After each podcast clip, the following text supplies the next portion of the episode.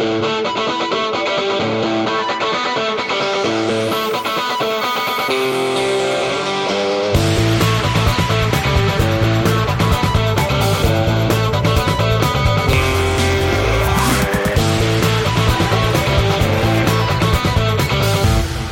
Esiet sveicināti Latvijas radio pirmā kanāla sporta raidījuma piespēle klausītāji. 9. janvāris un uh, sporta raidījums piespēle jūsu ausīs un radio uztvērējos kā ležiņa svētdienās šajā raidlaikā.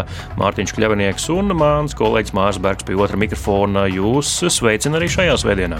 Esiet sveicināti klausītāji. Jā, 9. janvāris nedaudz pāri vieniem dienā esam atkal klāt. Otrais raidījums šogad. Mārtiņa laiks laikam iepazīstināt uzreiz, par ko tad mēs šajā raidījumā gribam runāt. Jā, mēs gribam uzbūvēt jums tādu eh, vasarīgu idili, aizmirst par eh, to, kas aiz loga šobrīd notiek. Tur sniegs, ledus, augstums, drēgnums, ik pa laikam atpūsnis, slapjums, dubļi. Eh, Bet ir arī mazliet smiltis. Jā, smiltis ir varbūt pa virsmu ledum uzkaisītas, tur, kur kājas ir ielas. Nu, Rīgā laikam diezgan maz vietas ir tādas, kur kājas ietves, bet šādi tad var pamanīt. Bet pludmalēs smilšu ir daudz, un pludmales volejbolisti arī latvieši šonadēļ piedalījās King of the Court turnīrā. Dohā, kur smilšu daudz, karstums liels. Mm, tieši tāpēc arī runāsim par pludmales volejbolu. Ne tāpēc, ka latvieši startēja King of the Court, bet tāpēc, ka tuliņ, tuliņ jau sāksies gatavošanās sezonai, kurš nu brauks uz siltajām zemēm, uz Eģipti vai kur citur uz Spāniju, gatavoties, kurš varbūt paliks tepat kādā iekštelpu hallē, gatavosies sezonai, un kurš joprojām varbūt vēl meklēs pārinieku, ar ko kopā spēlēt. Tie visi ir aktuāli temati, tāpēc arī jārunā par smilšu volejbolu tieši šajā raidījumā. Tieši tā, jaunā sezona pludmales volejbolā tuvojas zinām, ka pludmales volejbolā ir daudz dažādas izmaiņas. Tīpaši tas attiecas uz to, kā tiks organizēti turnīri. Tātad vairs nebūs turnīri sadalīti pēc zvaigznēm, tātad jo augstāks zvaigžņu skaits, piedzvaigžņu turnīri visprestižākie un viens zvaigznes turnīri. Tie ir tādi, nu, teiksim, tā vismaz nozīmīgākie. Tagad turnīri ir sadalīti trīs līmeņos - elite, challenger un future. Kaut kas ļoti līdzīgs kā tenisā. Pludmales volejbolistu viedokļi par to dalās um, arī lielajā intervijā. Šodien par to runāsim. Kā jau minēju, ir cilvēki, kuri meklē vēl pārinieku. Cilvēks meklējumos uh, šodien būs mūsu centrālā asa šajā raidījumā, uz ko arī balstīsim uh, lielo interviju. Uh, sarunāsimies ar Edgars Toču. Viņš vēlas spēlēt ar kādu no jaunajiem. Bija bija uzrunājis vienu zāles volejbolistu. Latvijas izlases līmeņa volejbolistu, starp citu, pamatsastāvu spēlētāju, kurš nu pat rudenī Eiropas čempionātā devās jau turnīra otrajā pusē Latvijas izlases starta sešniekā. Tātad ļoti augsta līmeņa Latvijas volejbolistu zālē. Nu, diemžēl šis spēlētājs nepiekrita ar viņu sadarboties, bet tagad ir citi trīs, kuri ir kandidāti. Tā kā arī viņus nosauks Edgars Točs. Par to visu parunāsim, protams, arī par King of the Court un vispār par naudu pludmales volejbolā, jo naudas līdz ar to, Mārka, tu jau jau minēju, šī turnīra sistēma mainīt, un tas nes līdzi arī to, ka naudas mazāk. Red Bull aizgājis kā sponsors no pludmales volejbola, kas tad, eh, nu, arī ir liels zaudējums. Tur jostas jāsavāk ciešāk, un laikam tikai tie paši entuziastiskākie paliks tajā nu, zemākajā līmenī, Challenger un Futures, un tie, kur augšā tie jau kaut ko labu tik un tā nopelnīs. Jā, nu tā jau runā, ka elites spēlētāji 16 pāri, gan vīriešu, gan sieviešu konkurencē, kur ir 16 vadošie pāri pasaulē, tie spēlē šos elites līmeņa turnīrus, paši spēcīgākie vāks lielo naudu naudu, kas būs šajos elites turnīros. Attiecīgi, Challenger un pat Future turnīru spēlētājiem, eh, kuri reitingā nav tik augsti un kuri vēl nav izsitušies līdz augšai, viņiem būs grūtāk tikt uz augšu. Spēlētāji var pazust. Vienkārši var izlemt beigt karjeru, jo ar to nevar nopelnīt un nevar savu galus. Tas ir tāpat kā tenisā. Lielie vārdi, lielie spēlētāji pelna miljonus. Savukārt, ja tu esi ārpus simtnieka, tad tas ir uz entuziasmu jau, un tu varbūt izbrauc pa nulēm. Daži pat aiziet mīnusos jau ar tenisa spēlēšanu profesionālā līmenī. Tas pats attiecas uz pludmales volejbolu, bet par to parunāsim nedaudz vēlāk, raidījuma otrajā pusē. Es domāju, ka tagad ir laiks pieķerties īsajam šīs nedēļas sporta notikuma apskatam. Maza attēlpa, un tūlīt būsim atpakaļ ar uh, nedēļas uh, spilgtāko notikumu apskatu.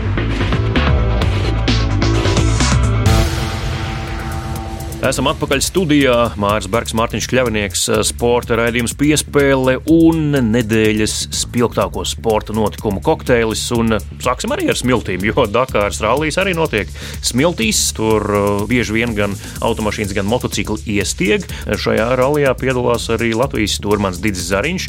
Viņš Antona Jukņeviča ekipāžā Kreda komandā brauc. Nu, šākā tā viņiem tur iet. Neiet labi. Nu, Būsim godīgi, neiet labi. Tā mašīna lietas vārdos. Priekš Tad, kad var pabraukt, tad, tad brauc labi, bet uh, lielāko daļu laika viņi pavada mēģinot kaut ko sataisīt. Visu laiku ir kaut kādas problēmas ar to mašīnu. Tad viņiem reduktors ir salūzis, tad no ātruma kārbas pilēļa. Antonius Knevičs, Lietuvietis, kurš šajā ekipāžā galvenais, tā ir viņa komanda. Viņi vēlējās startēt ar citu mašīnu, ar pilnīgi jaunu auto, taču izlēma tomēr vēl šogad braukt ar veco mašīnu. Pati mašīna nav nemaz tik veca, bet uh, Dakāra ir tik liels pārbaudījums, ka pat uh, relatīvi jauna mašīna tur lūst no vienas vietas. Noteikti varētu vēlēties labāk, bet Dakāra ir sākusies tā, kā to varam sagaidīt ar kūleņiem, ar mašīnām, kas uzbrauc motociklistiem, ar strīdiem turpat trases malā un pēc tam atvainošanos nesot kūku konkurentam.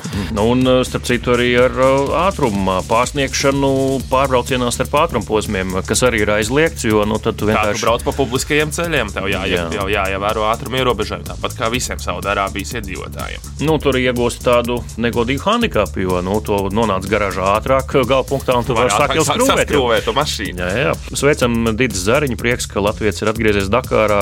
Ilgs pārtraukums desmit bija. Gadi, desmit, desmit gadus gadi, nebija latviešu sportisti, kuriem seko Dakārā. Bijām ilgi pieraduši Jānis Vinters, Andris Dāmbis un arī citi latviešu autosportisti, kuri tur piedalījās. Tagad bija ilgi jāgaida. Bet es domāju, ka balva par estētiski baudāmāko automašīnu joprojām to Andris Dāmbis no manis saņems vēl, man liekas, līdz mūža galam par Oskaru. Oskari vienmēr bijuši skaisti, jā, un arī labi arī labi. Tas bija labs mašīnas. Siguldā šonadēļ, šajā nedēļas nogalē, notiek pasaules kausa kamaniņu sportā. Māri to arī bija vakar devies klātienē, arī šodien vēro šīs sacensības klātienē. Tas ir jau otrais sacensību vilnis Siguldā divu nedēļu laikā. Pagājušajā nedēļā bobslīsti un skeletonisti tur sacentās. Šonadēļ savukārt kamaniņu braucēji un daudz lielākas cerības, kā sakot, papildināt medaļu grozu, ko latvieši tik ļoti vēlas. Jā, kamaniņu braucēji Latvijai medaļas šo sezonu ir krājušās ļoti raiti, taču medaļas nav pats galvenais šeit. Medaļas būs svarīgas pēc aptuveni mēneša, kad Pekinā sāksies Olimpiskās spēles, un tieši ar kamariņu sacensībām sāksies Olimpiskās spēles Latvijas Renes trasē.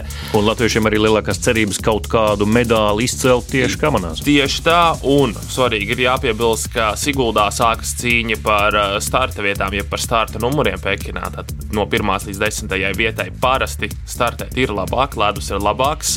Protams, ja sāk sniegt sniegs, tad eh, tas vairs īpaši lomu nespēlē, bet normālos laikapstākļos eh, sāk pirmajā desmitniekā ir labāk. Līdz ar to labi rezultāti šeit ir svarīgi, lai arī Pekinā būtu visi priekšnoteikumi cīnīties par augstiem rezultātiem.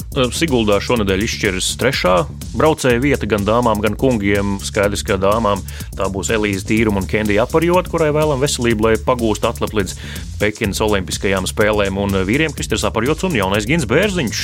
Kurš ir ļoti patīkami pārsteigts šajā sezonā ar labiem, stabiliem rezultātiem. Jā, viņam tikai 20 gadu.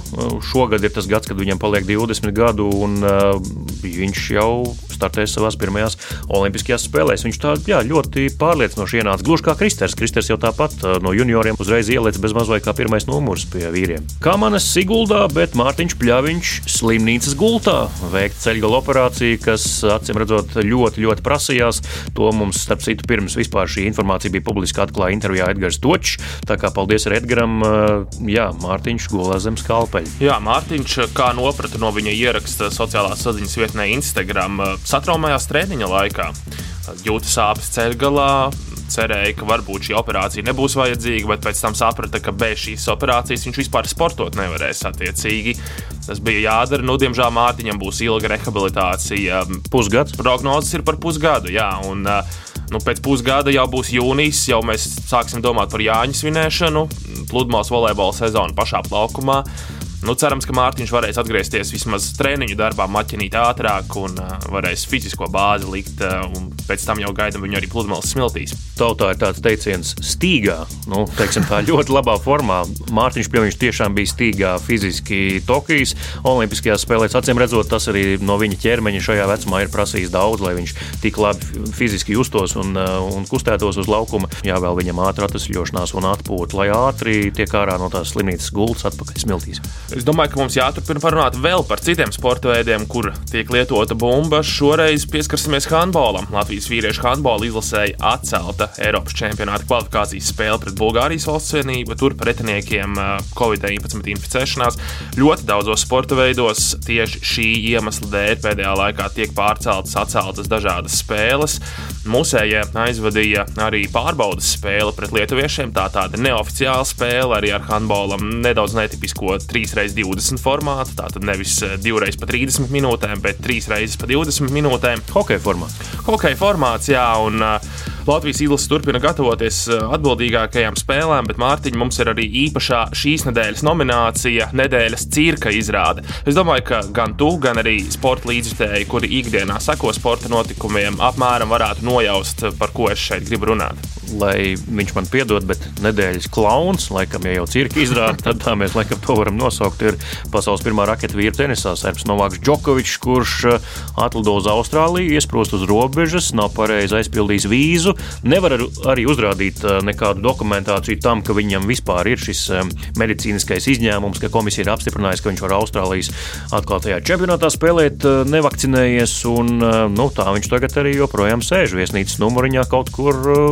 Melburnā. Kaut kur Melburnā karantīnas hotelī visa tā situācija ir ārkārtīgi amizanta. Turnīra rīkotāji viņam piešķīra šo medicīnisko izņēmumu, kas viņam ļauj startēt. Arī vairāki citi tenisisti saņēma šo izņēmumu, un šie citi tenisisti, kuru vārdus mēs nezinām, viņi tika iekšā Austrālijā un viņi varēs spēlēt.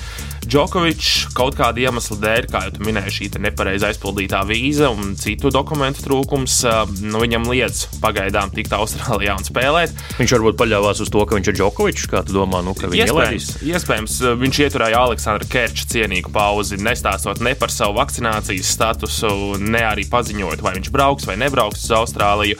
Nu, tas viss ir izvērties tiešām pamatīgā cirka izrādē. Austrālieši bija ļoti neapmierināti ar to, ka Džokovičs pieprasīja šo izņēmumu, jo zinām, ka Austrālijā bija vissmagākie covid ierobežojumi pasaulē. Melburne ir atradusies karantīnā vairāk kā 300 dienas, kopš sācies ir covid, un viņu lockdowns nu, tiešām bija smags. Tur ir armija pilsētas ielās. Un, Bet viņi nu, arī sasniedz rezultātu. Gal galā man šķiet, ka tieši austrāļiem vai pat arī jaunzēlandiešiem abiem man šķiet, ka tur bija pirmie koncerti tajā pēc covid laikā kas notika. Pilns stadions, pūlis, cilvēks pēc cilvēka, tāpēc ka Covid gadījumu nebija. Jo šī nu, stingrā karantīna un ilgā deva rezultātu. Tur ir arī daudz citas problēmas, kāpēc austrālieši ir tik nedusmīgi uz Džokoviču. Proti, atceros Tokijas Olimpisko spēļu beigas. Mūsu viesnīcā bija arī vairāk austrālieši. Ar vienu no viņiem parunājos. Viņš nelidoja mājās uz Brisbanu, Austrālijā, kur notiks 2032. gada Olimpiskās spēles. Viņš lidoja uz Ņujorku. Tāpēc, ka austrālieši pat kā pilsoņi nevarēja atgriezties mājās. Un joprojām daudzi tūkstoši Austrālijas pilsoņi ir iesprūduši kaut kur ārzemēs un nevar atgriezties dzimtenē. Tāpēc uh, valsts iedzīvotāji bija ārkārtīgi sašutuši par to, ka ir piešķirts šāds izņēmums, kāpēc Novāks ir labāks par visiem pārējiem. Un, uh, tur iesaistījās arī Austrālijas premjerministrs Skots Morrisons. Viņš paziņoja, ka visi ir vienādi, Džokovičam nav šīs atļaujas, tāpēc piedod, atvainot, tu vari būt labākais tenisists pasaulē, bet pie mums tu netiksi. Skots Morrisons laikam pēdējā laikā pārlasījis Džordžu Orvelu dzīvnieku fermu, un viņš saprot, ka nevar būt daži vienlīdzīgāki par citiem, ka visiem jābūt tiešām vienlīdzīgiem. Nu, noteikti uzslavas un uzsitieni pa plecu Morrisona kungam par mugurkaulu. Par tiešām... stāju, ka viņš ievēro savas valsts likumus, kurus viņš pats ir izsludinājis un Jā. par ko viņš ir daudz kritikas dabūjis no savas valsts iedzīvotājiem. Tas man šķiet subjektīvs viedoklis, bet daudzkārt pietrūkst trūks Latvijas valdošai varai, ka ieturēt šo muguru kaulu. Tā, tā lai cilvēki saprot, ka būs šādi noteikumi un ne pa labi, ne pa kreisi. Pirms mēs uh, izējām no šīs cirka arēnas uh, un dodamies tālāk raidījumā, smieklīgākais joks, ko es lasīju um, Twitter vidē par tieši šo gadījumu, to um, ierakstīja Kristians Kreļins, aktieris un arī raidieraksts pa pāris kausiem, viens no vadītājiem. Divi vārdi no vax Džokovičs. Tas nozīmē, varbūt paskaidrojot, jā, angliski, bet tā tad nevakcinējies Džokovičs, jeb nu, šis vārdu spēle par un ap tiem, kur ir pret vakcināciju, un viņš ir novāks, bet angliski no vax.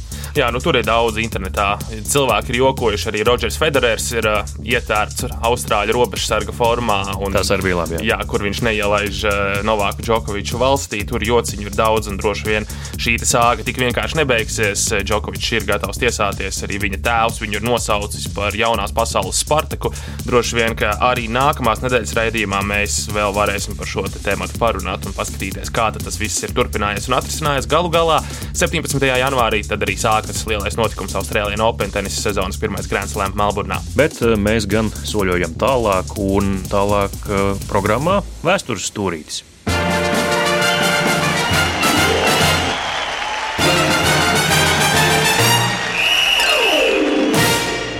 Vēstures stūrītis, un šoreiz, kā jau pieteicām galveno raidījumu tēmu, runāsim par smilšu jeb pludmales volejbolu pirmsākumiem Latvijā. Izrādās, ka pie mums šis sporta veids strauji popularitāti iemantoja tieši padomi laikos, 80. gadu vidū. Genādijs Samoilovs kļuva par padomu savienības čempionu, un tad arī sāk attīstīties viss nopietnāk. Tā kā Jā, nu. viss sākas un turpinās ar Genu Samoilovu. Tāpat kā tas ir šodien, arī tajā laikā panākumi dod grūdienu sporta veidu attīstībai. Tajā brīdī pludmales volejbols futbols no tādas bumbas daudzīšanas pludmalē un iedeguma gūšanas vasarā kļuva par relatīvi profesionālāku sporta veidu, cik tas bija iespējams vispār Padomju Savienībā un 80. gados. Tas deva droši vien iedvesmu un izauga arī jaunās paudzes spēlētāji, tādi spēlētāji kā Andris Krūmiņš un arī daudz citi, kas Latviju pārstāvēja jau 90. gados, kas paši tagad ir treneri un kas ir audzinājuši jau tos spēlētājus, par kuriem mēs šobrīd runājam ikdienā. Piemēram, Andris Krūmiņš ir arī Tīns Graudiņš, pirmais treneris.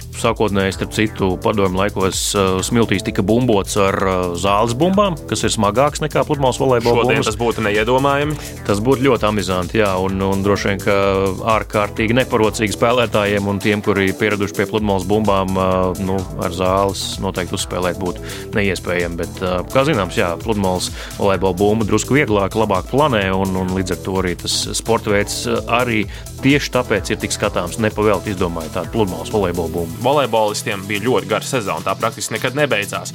Rudens, ziema, pavasaris ir klasiskais volejbols, spēlējam zālē, vasarā ejam ārā, spēlējam pludmales volejbolu. Tāpēc dažiem spēlētājiem tā karjera beidzās ātrāk nekā viņiem pašiem gribētos, gluži vienkārši tāpēc, ka fiziski spēlētāji izdega kaut kad ir jāatpūšas. Jā. Un viens no spilgtākajiem 90. gadu Latvijas pludmales volejbolistiem, laikam, arī zināmākais, nu, tāds, ko uzreiz uz knipi piesitienu var atcerēties un, um, un kaut ko par viņu pastāstīt. Andris Krūmiņš, jeb Krūms, uh, tā viņa dēvē pludmales volejbola vidē, kā jau tu minēji, Tīnai Graudiņai, pirmais treneris šobrīd arī uh, strādā Rūkī pludmales volejbola centrā, sāka Brazīlijā. Tu māri ar viņu aprunājies, kā tur 90. bija un, un kā bija tāda spēlēt, jo mēs jau tajā laikā tikai piedzimām un augām, un to laiku no šādas perspektīvas neatceramies, bet uh, Krūms bija tur un to visu darīja. Jā, nu 90. gadi visādā ziņā bija interesants laiks arī bērnība 90. gados bija tiešām interesants pasākums, bet um, no daudziem tā laika sportistiem, cik ir nācies runāt, um,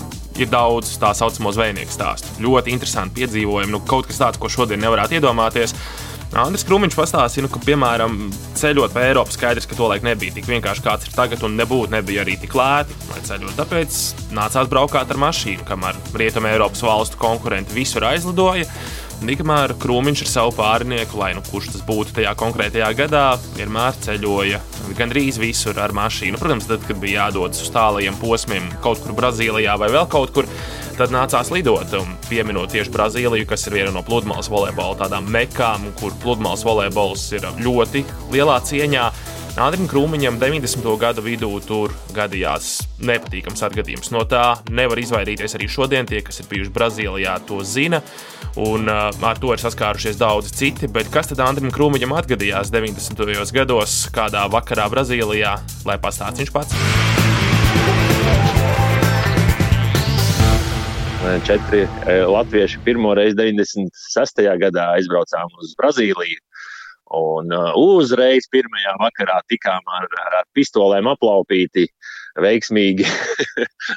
bija pats decembra sākums un tā pirmā eiforija, ka mēs te ar, ar cimdiem bez maz vai patronējušies mīnus grādos, lai sajustu to bumbu, kā ārā lido un aizbrauc uz turienu. Un kad pirmajā vakarā mēs pārlidojām pāri uz tādu mazu pilsētiņu, nu, tas nav maza pilsētiņa, bet uzreiz pirmais punkts, kas ir Brazīlijā, Recife pilsēta, lai pēc tam no rīta lidotu tālāk.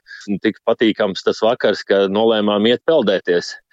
Un kā tagad atceros, ka man bija pirmo reizi arī pārlidojot tur pāri, ziema pie mums, bet bija nopircis tikko pilnīgi jauns Nike botiņas, smukas, baltas, un tās ievilku striķīšas iekšā aizgājām nopeldēties, pēc tam jau vairs negribējās viņas vilkt kājās, smilšainās un, un, un nesu viņas rokās. Un tā es arī viņiem atdevu. Tā bija uzvilcis, bija uz 200-300 metriem tikai tās botiņas kājās. Bet eh, pats galvenais, ka, ne, ka dokumenti neaizgāja viņiem līdzi, un tas bija mums bija pats galvenais, jo tajā laikā vēl nebija arī eh, vēstniecības Brazīlijā. Un, ja dokumenti būtu aizgājuši, tad droši vien mums būtu ļoti liela jautrība tur bijusi. Jā, bet puiši bija jaunāki par 18 gadiem, tādi 16, 17 gadīgi. Un pēc tam tika uzzinājām, ka viņiem tā katoļu ticība tik stipra, ka pat pa, pa slepkavībām viņi vēl ir skaitās mazgadīgie un nesoda viņus. Un līdz ar to labi, ka mēs tur nesākām kaut ko, kā saka, ķīvēties pretī. Atgriežamies raidījuma piespēles studijā, turpinām rubriku Vēstures stūrītis. Tiešām krāšņs stāsts Andrim Krūmiņam, un es domāju, ka šo noteikti kāds arī atcerēsies un pēc tam pārstāstīs. Bet 1998. gada Atlantijas Olimpiskajās spēlēs, starp citu, Fludmālas volejbols pirmoreiz iekļuva Olimpiskajā programmā, nu tad tālāk jau tas arī veicināja sporta veidu attīstību. Un līdz ar to palielinājās arī nauda, profesionalitāte, un tieši par naudas jautājumiem mēs parunāsim mūsu lielajā intervijā. Edgars Točs, viens no Latvijas labākajiem pludmales volejbolistiem, Tokijas eh, vasaras Olimpiskajās spēlēs 4. vietā kopā ar Mārtiņu Pļaviņu, eh, bet eh, nu, tur jau varēja redzēt tie, kur televīzijas ekrānos vēroja spēles, un Māra arī tur, kurš klātienē skatījās, ka nu, nav viņiem tā saskaņa laukumā, un Mārtiņš pārmet Edgaram, Edgars klusi uzklausa un varbūt pārdzīvo sevi iekšēji, lai gan man vienmēr šķits, ka viņš tomēr ir tāds ekspresīvāks arī ārēji, bet nu, tandēmā ar Mārtiņu viņš bija tas, kurš uzņēma to sitienu un uzklausīja visu, kas Mārtiņam sakāms. Nu, diemžēl šķiršanās, bet laikam jau loģiski, ka tagad Mārtiņš Pļaviņš atradis jaunu pārnieku Mihailu Samoilovu, mm, bet uh, Edgars joprojām meklē un uh, to, ko Edgars īsti meklē pārniekā un uh, kādi ir kandidāti, viņš mums pastāstīja.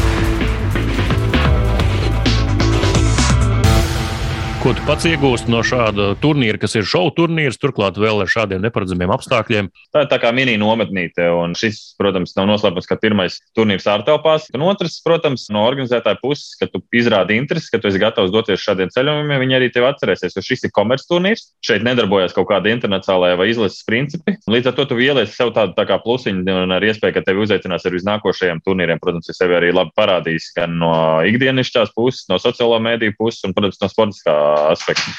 Un līdz ar to es iegūstu, ka man būs iespēja spēlēt turpmāk arī šajos turnīros, jo nākošais gads ir apstiprināti vismaz seši turnīri. Nedabūju spēļu apjomu pasaules tūrē vai kaut kādā citādi, līdz ar to šeit to spēļu apjomu var dabūt. Klau, Edgars, kāda tev ir situācija ar tavu pārnieku? Ir esi atradis jau, vai vēl tomēr esi meklējumos? Atradis es esmu, tā teikt, jauniešu grupu, kuras teicu, kas izveidoja pašā sākumā, ar kuriem mēs trenējamies atvara vilnas vadībā, kas ar mani visu laiku seko gan uz svāru zāli, gan uz uh, smilšu treniņiem, un arī ikdienā par, domājam par medicīnisku atjaunošanos un vispārējo. Līdz ar to viņi tā, tā, mēs esam izveidojuši tā kā klubiņu, ja, tādu interešu klubiņu. Līgumus mēs neslēdzam neko. Vienīgais, kas plus mīnus pēc papīriem skatās profesionāls, esmu es, jo man ir Olimpiskās vienības līgums. Bija uzrunāts Kristaps Šmits. Mēs izrunājām, satikāmies pirms Ziemassvētku laikā. Kristaps Šmits izvēlējās atteikties no mana piedāvājuma, kas, protams, arī saprotams, ka viņam pagaidām galvenais uzsvars ir uz zāli gan finansiālā, gan karjeras izaugsmes ziņā, jo pagaidām ar pludmales volejbolu arī daudz jautājumu zīmē par jauno formātu, kāds būs nākošais, kas tiks spēlēt, kas netiks, kāds būs finansējums un tā tālāk. Un, Nu, zināms, ka zāles volejbolā tev ir gulošā nauda, tad pludmales volejbolā vairāk balstās uz taviem pleciem, ko tu nopelnīsi. Un tas arī būs, ja ne tev nav šī olimpiskās vienības atbalsta, tad mēs esam tāds viens pats sevīm pamests. Bet tad tu turpini meklējumus un uz, uzrunāt kādu no zāles nu, spēlētājiem, nu, ceru uz tiem jauniešiem. Nu, nē, zāles par to strādā, kā saka, treneris stāvs, bet nu, palielam ir. Uh, divi, trīs varianti, kas ir tajā pašā treniņa grupā, kas varētu būt Rudolfs Stankevičs, Olivers Bulgačs vai arī Ernests Puškuns, kas arī spēlēja Latvijas čempionātā ar Solovēju iepriekšējā gadā. Jūs esat redzējuši to spēli, kur aizgāja asumiet tiesnesi. Un, uh, viņš arī parādīja, bet, nu, kā lai saka, tas ir melnais zirdziņš. Tu nekad nevar, nevar zināt, kā viņš izskatīsies. Tā teikt, lielajā pludmales volejbolā pasaules turā treniņš ir viens un tas ir otrs. Mums ir uzaicinājumi doties treniņu nometnēm pie labām komandām, un līdz ar to mēs tie, tā visa grupa arī dosimies tur. Un, uh, Lielam šajā treniņu procesā mēs izvēlēsimies labākos. Iezīmes jau ir divi, trīs uh, cilvēki, kas jau, protams, kurus arī plus mīnus tagad nosauc, kas uh, spēlēs. Ja parādīsies kaut kāds labāks variants, šis ir tas gads, kad tu vēl vari mainīt pārniekus. Protams, uh, reitinga punkti skaitīsies, bet uz olimpiādi reitinga punkti vēl neies. Līdz ar to ir laiks līdz septembrim meklēt to īsto, ar kuriem tu varēsi sākt krāt olimpiskos punktus. Vai tas būs viegli? Nē, jo profesionālais sports, tāds kā pludmales volejbols, nav NBA, nav NHL. Šeit nekad nav bijis viegli un arī nekad nebūs. Sūdzēties man par kaut ko būtu muļķīgi, jo veselība man ir kārtībā, ģimenē viss ir kārtībā. Līdz ar to finansiālais, pateicoties Olimpijas 4. vietai, viss ir kārtībā. Es varu trenēties, es varu doties uz nometnēm, attīstīt sevi un domāt tikai par sporta veidu. Ja es čīkstētu, ka kaut kas sāp, kaut kas nesāp dzīvē, pēc 18 gadiem visu laiku kaut kas sāp, būs kaut kādas problēmas. Ja es būšu labā formā un es varēšu izdarīt to, ko es varu izdarīt, un nedaudz labāk, līdz ar to 8% no viena cilvēka tas ļoti daudz ko var sniegt. Līdz ar to es domāju, ka arī kas ar mani spēlēs, būs rezultāti.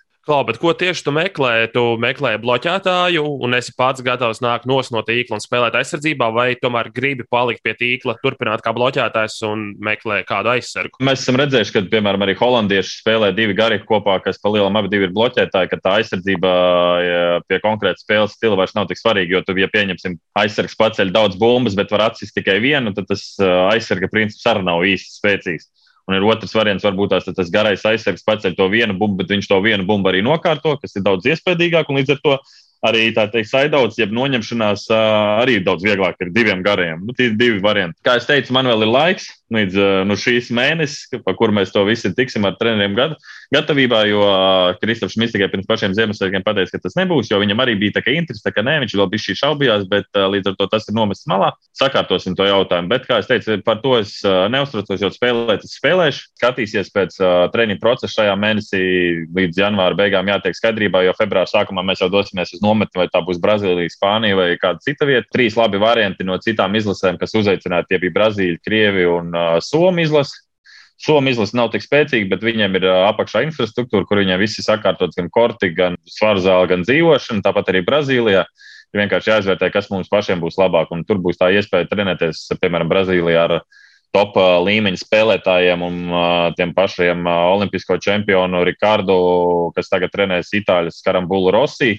Būs arī Andrēja Džordža, Brazīlija un Renato Felipe, kas tagad pēdējo posmu četru zvaigžņu no Itapemā kā es jau arī pateicu viņiem, ka mēs dosimies, ja dosimies ar četru vismaz vai līdz sešu cilvēku grupu. Iepriekš jau minējāt par pasaules tūris, to jauno formātu. Ko tu par to domā? Nu, pludmales volejbolisti ir dažādi par to izteikušies. Tie, kas ir tie elites spēlētāji, kas ir augšā šajā elites 16 pāru pulkā, tiem ir kā viss kārtībā, bet ko saka tie, kam ir? Varbūt tās, kur ir uz robežas vai kuriem būs jāspēlē to līmeni zemāk? Nu, es varu pateikt to, ka FFB bija ar uh, skaistiem un gudriem lēmumiem ļoti reti, kad ir izcēlušies. Nekas pa lielam nemainīsies. Naudas nepaliks vairāk, uh, vienkārši viens, divas, trīs, četras zvaigžņu un piecas zvaigžņu formāts bija strādājošs. Vienkārši neviens negrib rīkot viduvējus, vai, piemēram, ja tev ir iespēja rīkot trīs zvaigžņu vai vienu, loģiski, ka viens, un ja nav baigta atšķirība, visi rīkos vai nu lētāk, vai tad rīkos uzreiz četras zvaigžņu, un tas vidus iztrūks. Tāpat kā Un tagad mums arī Latvijā bija diskusijas par to, ka jārīko ir Challenger turnīrs, lai ir paplašināta iespēja ar sastāvu ielikt vairāk latviešu spēlētājus. Bet beigās to nepieņēma, jo redz, lai ir tas protūrs. Nu, tad nu, tā attīstība jaunajiem nebūs tik ātra, jo tad, piemēram, uzvarot piedzvaigžņu turnīrā, kvalifikācija tu uzreiz esi punktos, tev uzreiz viss ir kārtībā, tu uzreiz celies uz augšu. Tad šeit, pieņemsim, tas regress būs lēnāks un progress arī būs lēnāks. Līdz ar to tā maiņa notiks daudz lēnāk, un uh, daudz mazie turnīri, kurus sola, ka tūlīt, tūlīt paziņos, viņi nemaz nav līdz galam arī tā arī paziņot. Saka, ka būs uh, ļoti daudz turnīru, bet pagaidām tas kalendārs ir jau nu, kurš janvārs, un nekas nav, jo biļetes ir jāplāno, nometas jāpēno. Nu, tā arī ir tā lielākā problēma, ka tas lielais finansējums neieplūst tajā pludmales volejbolā. Visi dzenās pēc tā tenisa, tenisa reitingiem, tenisa to mazāk izmaksas, bet neviens nedomā par to, kā kā tā, tas pludmales volejbols tieši zaudē, tāpēc, ka nav tāda augstāka līmeņa turnīra. Pludmales volejbols pārsvarā nu, daudzās valstīs dzīvo tikai no vai no tādiem, kad ir jau sasniegti rezultāti, vai no balvu fonda. Un, uh, tieši, kad sākās šī pandēmija, tad neviens nevar nopelnīt pa lielam pludmales volejbols. Viss, kaut kas viņam ir jādara. Nu, protams, citiem tur ir varianti, kas iet strādāt, viss pārējais, bet tas nav tā, ka, vat, piemēram, top 40 nu, saņem kaut kādu nu, noteikto garantēto summu, un tas varētu būt tas. tas kad nu, jāsāk kaut kā to visu. Ir ideja jau Eiropas līmenī, kad veidot klubu sistēmu, kā tas ir 3 uz 3, kad cilvēki var, piemēram, pārstāvēt citu valsti vai spēlēt pie kaut kāda konkrēta kluba, vai tas ir Rīga, vai tā ir pilsēta vai liels uzņēmums. Un tā ir papildus iespēja nopelnīt pludmales volejbolistiem. Jo, kā jau teicu, piramīda attiecās tikai uz to pelnšķītu stāstu, ja tu nopelnīji ar spēlēšanu, un tas arī viss, vai arī dabūjot Olimpiskās vienības atbalstu, kā tas ir Latvijā. Es nesen noskatījos vienu podkāstu, kur ko vada Baiba Ipanietis Gavare, un uh, viņai vienmēr tā valoda ir tāda bagāta. Viņa izmanto terminu ļēļaks.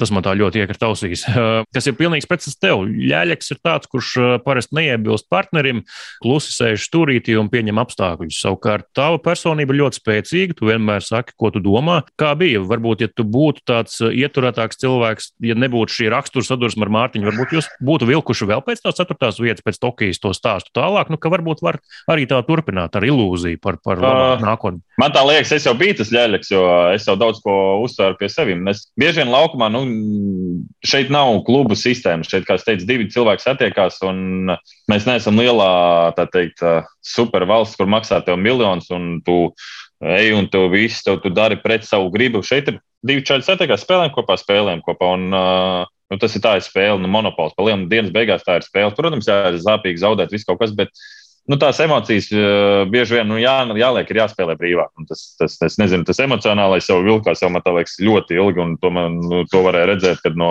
malas, no visām pusēm. Un, Nu, nebija viegli. To mēs arī, es arī mājās izrunāju, ka nu, ne, ar pludmales volejbolu tu nenopelnīsi miljonus, un uh, tev tā spēle ir jābauda. Un, ja tu beigās tu nedabūji kaifu spēlēt, un, nu, tad kāda jēga, nu, kāpēc nodarboties ar sporta veidu, kad uh, tu ej un vienkārši uzmet lupu un nu, nespēlē pa lielam. Līdz ar to nu, man liekas, tas bija labs lēmums, ka mēs vienkārši neturpinājām, jo tad varbūt tās būtu vēl gājis trakāk. Jo pēdējos uh, gados jau tā komunikācija savstarpējā komandā nebija viena no tām labākajām, gan treniņu nometnēs, gan spēlēs. Uh, vienkārši vai biežāk tas parādījās televīzijā vai nē, bet uh, tas tur bija, tā problēma tur bija. Es uzskatu, ka tas ir uh, labs solis vismaz priekš manīm. Un, uh, jā, protams, no varbūt rezultātu ziņā varbūt nebūs tik viegli, bet uh, es vismaz dabūšu kaifu. Es nebūšu varbūt tās super spēlētājs uzreiz, varbūt arī būšu. To neviens nemāk pateikt, bet uh, es izbaudīšu spēli un dabūšu prieku no tā, jo nevienam uh, tā teikt dzīve nav apsolīta. Es nezinu, ko es darīšu rītdien, bet es šīs dienas, ko es daru, uh, Es baudīšu gan treniņu procesu, gan spēles un dabūšu kaifu. Tas nav NBA, tas nav NHL, kur kāp pār līķiem un sakos zobus. Klausīties, kas tu esi, kas tu neesi, gan treniņos, gan spēlēs, priecāties un tā teikt, nevis kā iet katru dienu kā uz darbu, bet saprast, ka tiešām tu esi izredzēts un nodarbojies ar to sporta veidu, ko tu mīli un ko tu ikdienā gribi darīt. Tas tāpat kā bieži vien pludmales volejbols salīdzina ar servošanu. Es nezinu, vai jūs redzat neapmierinātu ceferu, kad viņš uzkāpj uz augstākā vilna un nobrauc trasi, un viņš ir bēdīgs seju. Un saskāpjas aiziet atpakaļ uz savu istabiņu. Tas ir jāķer kājas no tā, ko dara. Sporta raidījums piespēle Latvijas radio pirmajā kanālā. Mārcis Bergs, Mārtiņš Kļavnieks, un esam nonākuši līdz raidījuma izskaņas sadaļai, kas parasti ieskandina raidījuma beigas, bet eh, ne tā drūmi ieskandina, bet vienmēr tā, um, ar tādu priecīgu optimismu un satraukumu noteikti iekšēji kņudoņu, varbūt pakrūtē, jo Reins Grunspeņš, mūsu jaunais kolēģis, katru nedēļu kaut kur dosies un uh, pavērs kādu priekškaru, iebāzīs ausi kādā atslēgas caurumā un arī jums atklās kādas detaļas, un kur gan citur viņš varētu doties šonadēļ, ja runājam par pludmales volejbolu, ja ne uz vienu no uh, Rīgas uh, iekštelpa pludmales volejbola halēm. Jā, nu mēs jau pirms brīža runājām, ka Latvijā šobrīd ir ļoti plašas iespējas uzspēlēt pludmales volejbolu arī ziemā. Un uh, Reinis devās uz vienu no šīm vietām, pludmales volejbola centru Beach Arena, kur Reinis iepazinās ar to, kā tiek kopti pludmales volejbola laukuma iekštelpās.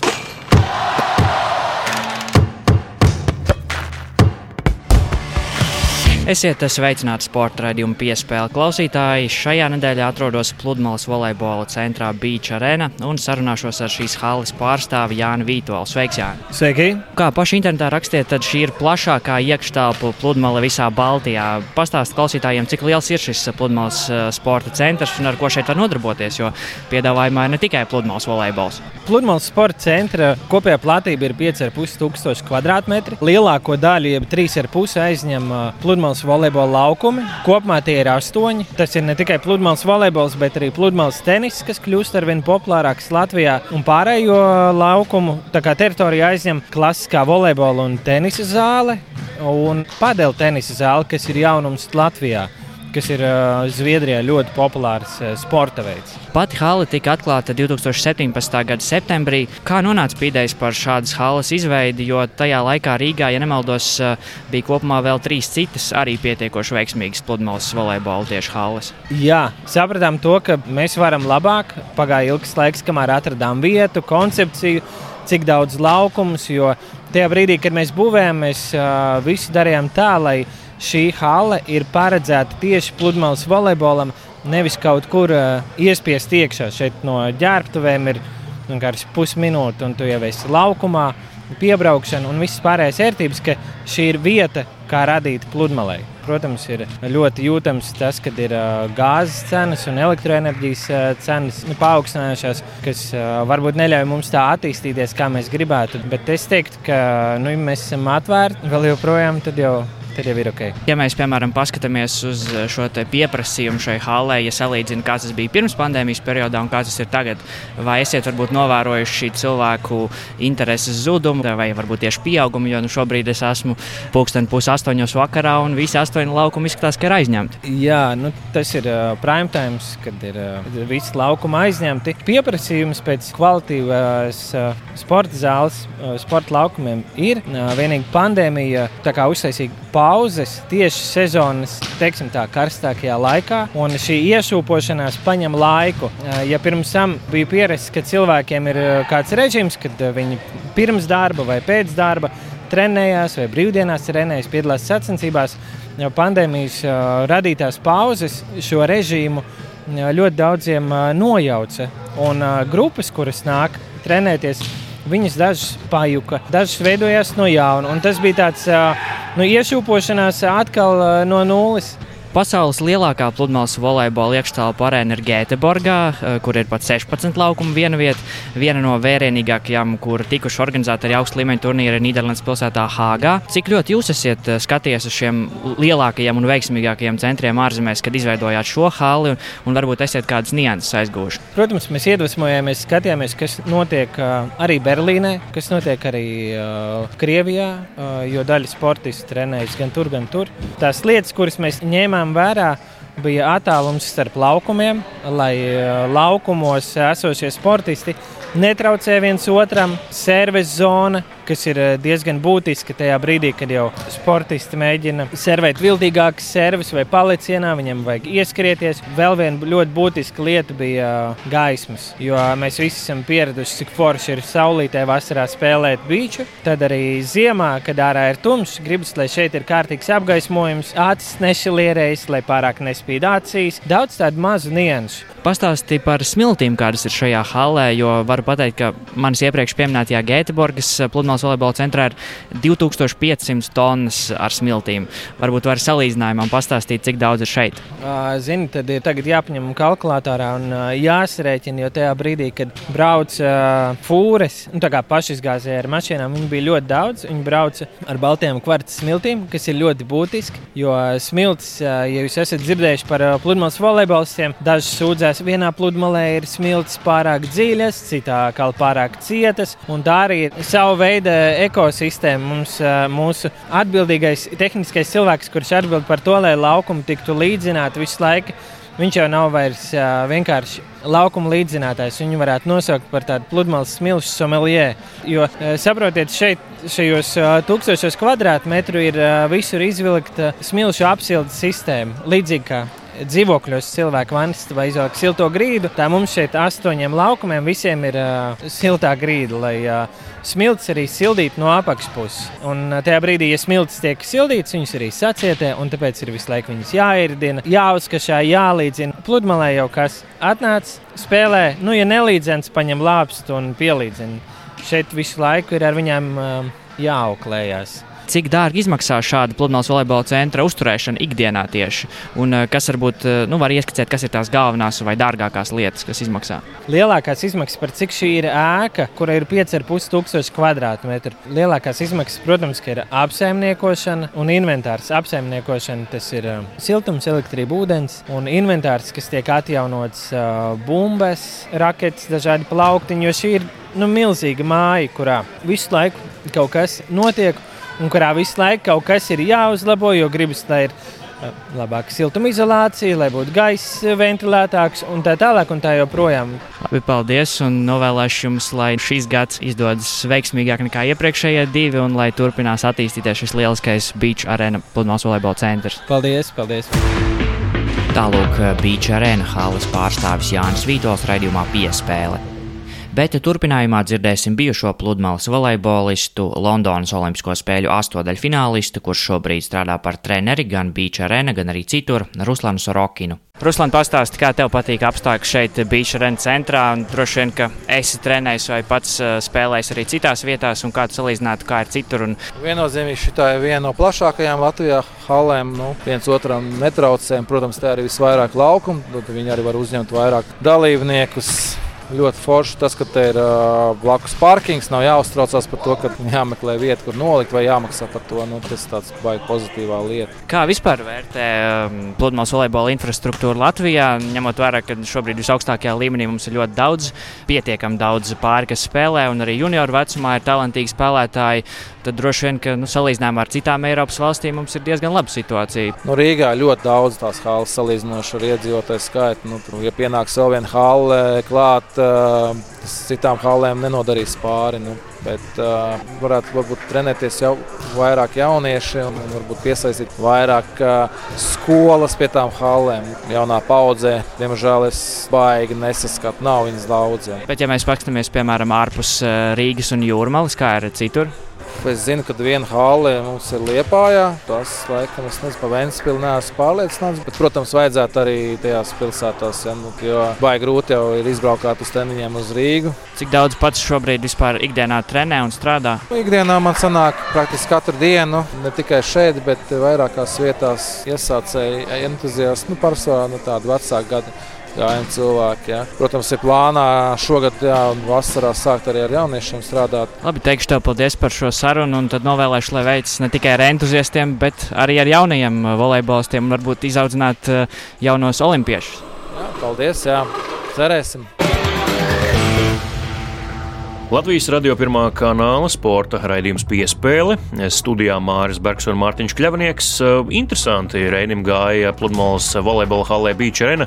Tā, starp citu, ir lielākā pludmales volejbola hale Latvijā, jo, ja citur ir četri laukumi vai pat mazāk, tad tajā astoņi. Jā, daudzas no Rēņa stāstītajām lietām arī es pats nezināju. Bija interesanti klausīties un arī to visu uzzināt, bet Mārtiņa laiks mums ir noslēgt šo raidījumu un atvadīties no klausītājiem. Nākamnedēļ varam pateikt, ka nu, ņemsim rokās plinti un uh, ausim kājās slēpes. Slēpj zābaki pie kājās, un distanču slēpes, un nūjas rokā plints uz muguras uz priekšu. Noteikti jau zināt, kas tas par sporta veidu, vairāk neko neatklāsim, tā kā gaidiet nākamo sporta raidījumu piespēli, būs interesanti. Un vēl tikai atgādinu, ka raidījumu piespēli varat klausīties arī Latvijas radio arhīvā, meklēt mājaslapā, kā arī jebkurā sevērtā raidierakstu jeb podkāstu klausīšanās vietnē. Arī tīmekļa pārlūkā vienkārši ierakstot e-uz slīpsvītra piespēli, jums uzreiz atvērs vaļā kādu raidierakstu vietni, kas jūsu taurnī ir visiecienītākā,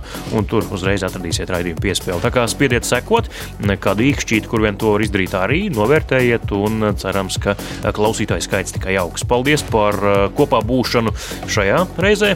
Mārtiņš Kļavinieks un Mārs Bergs no jums atvadās līdz nākamajai svētdienai kad atkal jauna piespēle un atkal jauni atklājumi. Uz tikšanos!